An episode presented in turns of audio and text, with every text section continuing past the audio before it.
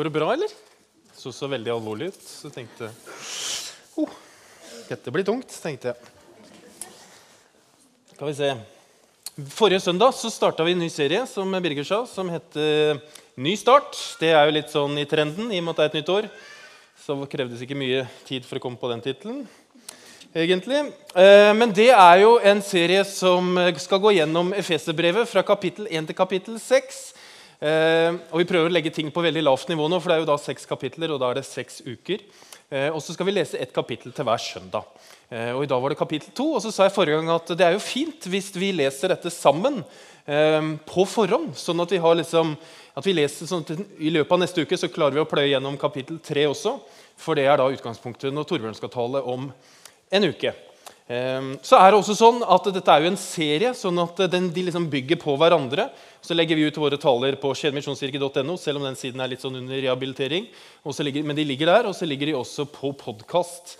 Da kan du bare søke opp Skien misjonskirke, så kommer det der. I tillegg til det så får du ved døra, hvis du eh, ikke vet hvordan du kommer på Internett, så får du et ark i døra hvor det, hvor det er et oppfølgingsark til gruppene. Eh, for vi ønsker at eh, vi, altså vi, stiller noen spørsmål setter kanskje i gang noe her da, som vi tenker at det er fint å snakke om i grupper. Eh, vi tenker at det er en god ting uansett, og Da får du noen spørsmål som kan hjelpe dere i gruppene i, når det går ut. Eh, men de ligger også på da, vår hjemmeside under taler. Der ligger de. Så da kan man hente de opp der i PDF. Efeserbrevet er jo et enkelt oppbygd eh, brev av seks kapitler, hvor de tre første eh, har på en måte en overskrift som er nåde. Eh, Som handler om hvem vi er i troen på Jesus, hva vi har i troen på Jesus, og, og, og hva det betyr. Og De tre siste kapitlene har egentlig en overskrift som heter 'vandring'. Eh, altså om konsekvensene av det å tro på Jesus. Og Da skal vi ha litt sånn ulike taler inne. Eh, rett og slett som skal belyse det på litt ulikt vis. Efeserbrevet ligger dere ser liksom prikken i midten av bildet. omtrent. Det er Efesos, byen, eh, som denne brevet er skrevet til. Det vi egentlig tror er at det er et type rundskriv det er til mange menigheter rundt Efesos. Det er fordi det er ikke så mange personlige hilsener der. Pluss litt ekstra ting som gjør det. Eh, Men Efesos det var en stor by, en handelsby, en kystby, et økonomisk sentrum i det området der. var en av Romerrikets store metropoler. Eh, Og så planta Paulus en menighet der hvor han var faktisk i to år. En strategisk eh, planting og et viktig sted. Paulus han posta på Instagram et bilde når han skriver dette brevet. Eh, og han ser sånn ut. Eh, og eh, hva skulle jeg si? Det Det sto ikke i manus. Hva skal jeg si? Jo, Paulus, hvem var han? Han har jo skrevet halve Det nye testamentet. sant? Eh, og, og har skrevet mange brev, også da dette brevet til Efesos. Og det han gjør, som jeg har sagt, er at han gir oss en sånn inngående kunnskap til hva det evangeliet egentlig handler om.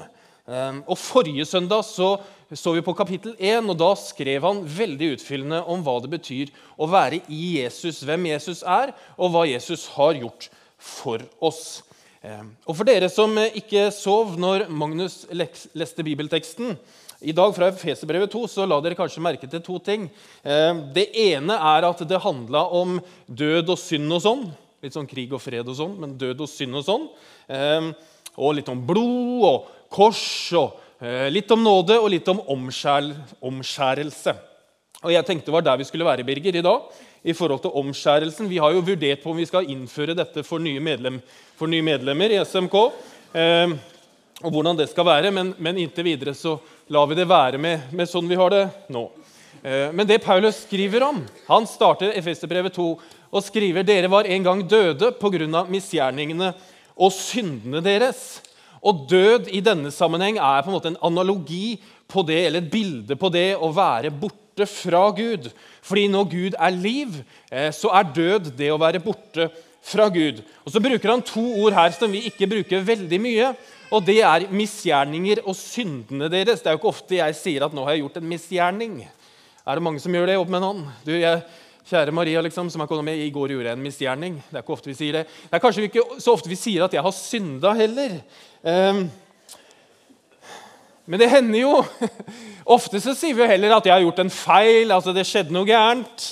Um, det var dumt av meg. liksom. Man kan si jeg angrer på det. Burde kanskje ikke gjort det. Det, det blei gærent. Um, og så lurer jeg på, er det det Paulus mener? At vi en gang var døde pga. feilene våre eller det vi gjorde galt? Eh, eller det som var dumt? Det lurer jeg litt på. Og så tenkte jeg, hvor, hvor, Hvis vi har en håndsopprekning, hvor mange av dere her har gjort en feil? Det kan vi trygge opp med en hånd. Hvis du ikke rekte opp hånda nå, så må vi ha en samtale etterpå, tror jeg. Ja, Samme da, Hvor mange er det som har gjort noe galt? Opp med en hånd. Ja, de fleste er opp med en hånd. det er bra. Nå skal du ikke rekke opp hånda, da, for nå skal jeg spørre hvis du har gjort en synd i dag. Er det liksom noe vi pleier å snakke om? At jeg har synda i dag? Eh, det, ikke, det var kanskje sånn vi sa i 2016, ikke i 2017. Er, eller enda verre, da, at vi er en synder, liksom. Å rekke opp Hånd, vi skal ikke gjøre det nå, altså, men å rekke opp en hånd og si at 'jeg er en synder'. For hva er synd egentlig? Eh, er det noe mer enn det å gjøre noe galt eller det å gjøre en feil? Og så, Jeg lurer på mange ting og, og stiller mange dumme spørsmål. Men, men, eh, noe av det jeg lurer på i dag, da, er at hvis du har gjort noe galt med vilje, kan du da si at du har gjort en feil? Kan man det? Eller hvis du har gjort noe galt som du faktisk har planlagt å gjøre, går det da an i etterkant å si at man har gjort en feil? Og Veldig ofte så gjør jo vi de gale tingene eh, igjen og igjen. Og så kan man tenke nå skal jeg skjerpe meg, nå skal jeg ikke gjøre det. Eh, nå, liksom, nå, skal jeg, nå, skal jeg, stoppe å gjøre det. Skal ikke gå inn på den siden eller ikke holde på med det. ikke holde på med det. Og så er vi veldig glad når vi har holdt oss to dager. liksom. Og så går det fem dager, og så sju dager. og ti dager, og kanskje når vi liksom, Hvis det har gått to uker, da, så tenker jeg nå, jeg kan jo slutte når som helst. så Ikke noe problem for meg å slutte med dette. Eh, og, og, og, det, og nå har jeg holdt opp såpass lenge at nå kan jeg jo bare gjøre det én gang. For jeg kan jo slutte når som helst. Så da, da, da, gjør vi jo ofte det. Og da lurer jeg på er jeg en som gjør gale ting, eh, og som gjør feil, eller er jeg en synder? Eh, også det at man gjør en feil, det kan jo også hende at det har grunn til at man ikke hadde nok kunnskap eller ikke visste at det var feil før man gjorde en feil. Det kan jo også være en grunn. Eh, og så kan det jo også handle om valg. Eh, at vi, vi, vet at det er feil og galt, men vi gjør det likevel.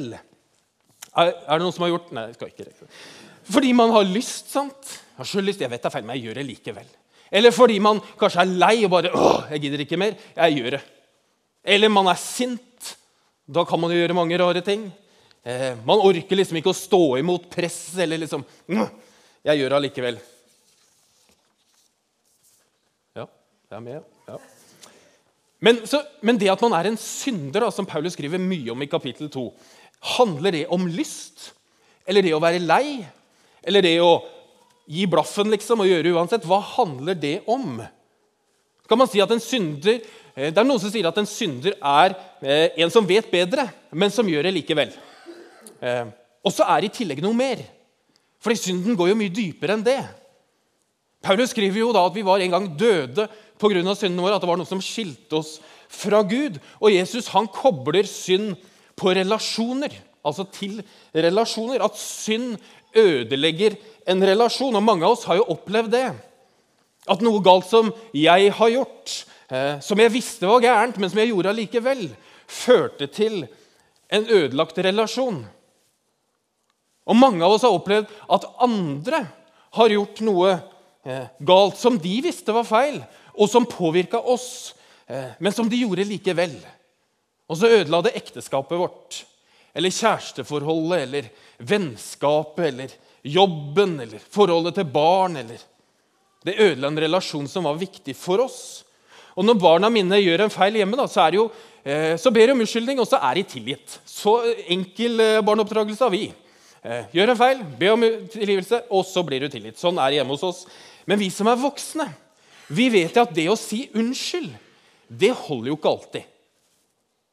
For de små tingene så er det jo lett. Unnskyld, jeg liksom la ikke på lokk eller glemte tannkremtuben eller ja, spiste godteri. Det er ofte det der hjemme hos oss. da. Men for de, for de store tingene så holder jo ikke det. Når det er store ting. For da er det jo noe som er blitt ødelagt. Det er en tillit som faktisk er brutt. Det er en relasjon som eh, kanskje ikke er der lenger. Og da holder det ikke å si unnskyld. Ferdig med det, liksom. Sorry, jeg, Jeg gjorde det, men ja. Unnskyld. Kan du tilgi meg? Da må det ofte noe mer til. Må det ikke det? Fint dere nikker sånn i stillhet. Og så tenker jeg Den eneste måten Det er sikkert mange. Men jeg tenker at den eneste måten å få restaurert en sånn relasjon på, det er jo å erkjenne at man har gjort en stor feil. Ta ansvar for den. Og søke tilgivelse over tid. Og ikke tenke at det går fem minutter, og så er alt greit. Men så kan du ikke søke tilgivelse før du faktisk har erkjent at du har gjort en stor feil, eller at du har synda. Så hva gjør man med dette? Hva gjør man med denne synden? Hva, det som vi kjemper med, sikkert eh, alle sammen, eh, som vi ikke klarer å løse, hvordan blir vi kvitt det? Det er jo sånn at Alle religioner har jo, et, eh, har jo en løsning på dette. Gjør sånn og sånn, og så blir det bra. Eh, forslag til løsning finner man i de fleste religiøse systemer for å bli kvitt både skyld og synd og skam og fortid og, og fremtid. Og så er det jo bare én person som har sagt at 'jeg er løsningen på dette'. Jeg er løsningen på din skyld, jeg er løsningen på din skam, jeg er løsningen på det du ikke blir kvitt. Og det er Jesus Kristus. Og enten så er jo han da helt gal, eh, eller så lyver han og holder oss for narr. Eller så bør vi kanskje lytte til hva han sier. Og det han sier, er at 'min nåde er nok for deg'. Paulus skriver også at 'av nåde er dere frelst'. Og etter liksom den oppramsningen som Paulus har om død og synd og sånn, eh, så skriver Paulus 'men Gud'. Og så tenker jeg Når det står 'men Gud' etter mye greier i Bibelen, så bør vi kanskje sjekke hva, hva kommer nå, liksom. Eh, han skriver på en måte at dere hadde et stort problem, men Gud. Og Vanligvis når jeg ber, så ber jeg Gud. Nå har jeg et problem, eh, men nå skal jeg. Gud, du ser det her, men nå så skal jeg. Gud, jeg ønsker det, men, men nå skal jeg. Og Så snur Paulus det helt på hodet og så sier han, dette handler ikke om deg, men det handler om Gud. For han sier Gud, han er rik på barmhjertighet. Han er så rik på barmhjertighet. Han har masse å gi. Masse til overs. Og Paulus visste jo dette godt selv, fordi han var jo gått fra å være en forfølger av de kristne og torturere og fengsle og drepe de kristne, til å bli en etterfølger av Jesus og har liksom betydd mest for oss eh, av det vi leser i Bibelen. Han har gått fra han visste dette, at Gud han var rik på barmhjertighet. Og så fortsetter det fordi han elsket oss med så stor en kjærlighet. Da måtte jeg ha et sånt kjærlighetstre. Så kan jo vi godt endre denne setningen, og så kan vi skrive til det fordi han elsker meg med så stor en kjærlighet. Og Det er jo dette som er essensen av kristen tro. Det er jo dette som er essensen i nåden. Det er jo dette som er sentrumet. Det er dette alt handler om. At Gud elsker deg og meg med så stor en kjærlighet på tross av alle de feilene og gærne tingene vi gjør. På tross av alt det som vi kanskje av og til våger å benevne som dette er faktisk synd. dere. Og det at vi på dypet, liksom, til syvende og sist eh, Noen sier av og til men Martin, du, er, du har mye gærent, jeg ser det, altså, men du er sikkert god på bunn. Og så tenker jeg nei, nei, nei, jeg er ikke god på bunn. For på bunn så er vi kanskje uh, piller råtne alle sammen. På bunn. Men på tross av det så elsker Gud oss med så stor en kjærlighet at han har gjort oss levende med Kristus. Det er jo derfor du ikke trenger å forhandle med Gud og si 'Gud, jeg skal bare gjøre det'. Eller 'Nå skal jeg skjerpe meg med det'. Gud, nå, nå blir det orden, liksom. Du trenger ikke å forhandle med Gud, for han vil ikke ha noe fra deg. Han vil bare noe for deg. Gud vil ikke ha noe fra deg. Han vil bare noe for deg. Så skriver Paulus, 'For av nåde er dere frelst ved tro'. Og hva er nåde? Så kan vi beskrive det med et ord. Det er ikke så lett.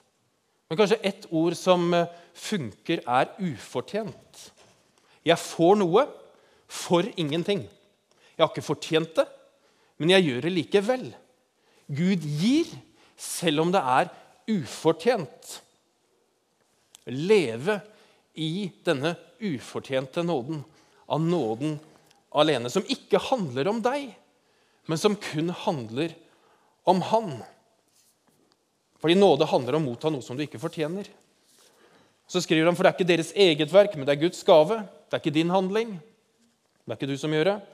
Og det hviler ikke på gjerninger for at ingen skal skryte av seg selv. Jeg har et spørsmål som jeg har skrevet på dette oppfølgingsarket, som jeg vil at dere skal snakke om i gruppene. Hvis dere vil, da. Man må jo ikke, selvfølgelig. Må jo ingenting. Der, der står det at, eh, at, jeg sier at alle gjerninger i kristen tro er en respons på hva Gud allerede har gjort. Altså at alt du gjør, er en respons på hva Gud har gjort. At vi gjør noe fordi Gud har gjort noe for oss, og at det er derfor vi da kan si at vi lever i nåden. At vi lever ikke for å få Guds nåde, men vi lever fordi vi har fått Guds nåde. Og Utfordringen for mange av oss, meg selv inkludert, er jo det at vi lever jo både i en kultur og er oppdratt sånn at vi skal fikse alt selv. Men kristen tro dere, handler ikke om å fikse ting selv. Det handler om at det er en som har fiksa det for oss. Hvor vi ikke trenger å ta oss i nakken. Hvor det er bra ting som vi kan slutte å gjøre. Handler jo ikke om det. Det er jo ting som ikke er bra for oss, som vi kan la være. Men det er Gud som gir oss nåde likevel når vi ønsker å tro på Han. Og gjør vi det, så handler livet ikke først og fremst om oss selv og det vi får til, men det handler om at vi kan ære Gud gjennom våre liv og våre gjerninger. Vi har sagt det noen ganger at er, da er det en sånn bønn hvor vi strekker hendene våre ut og så sier vi, 'Herre, skje din vilje i mitt liv og i vår menighet'. Skal vi reise oss opp og så skal vi be sammen, og så skal vi synge noen sanger. Eh, og mens vi synger, så kan du tenne lys i lysgloben, og du kan skrive en bønnelapp foran miksepulten, og du kan bli bedt for nede i høyre hjørne. Men jeg tenker at eh, Det er egentlig en mulighet bare for å stå for seg selv og be Gud skje din vilje i mitt liv, og la meg få kjenne din nåde. La meg lære å leve i din nåde. Ikke ha et sånt forventningspress til hva jeg selv får til, eh, men om hva du gjør gjennom meg. Skal vi be. Herre, takk for at du er her med din Hellige Ånd. Takk for at du vil tale til hver enkelt av oss, til våre hjerter, så vi kan se det du ser, og ikke bare det vi ser selv. Nå ber jeg, Herre, om at du skal hjelpe oss til å få en tro på deg som gjør at vi kan ha senkede skuldre Eh, og ikke være så opptatt av det vi ikke får til, men å være mer opptatt av hva du vil gjøre gjennom oss. Det ber jeg om, Herre, eh, i Jesu Kristi navn. Amen.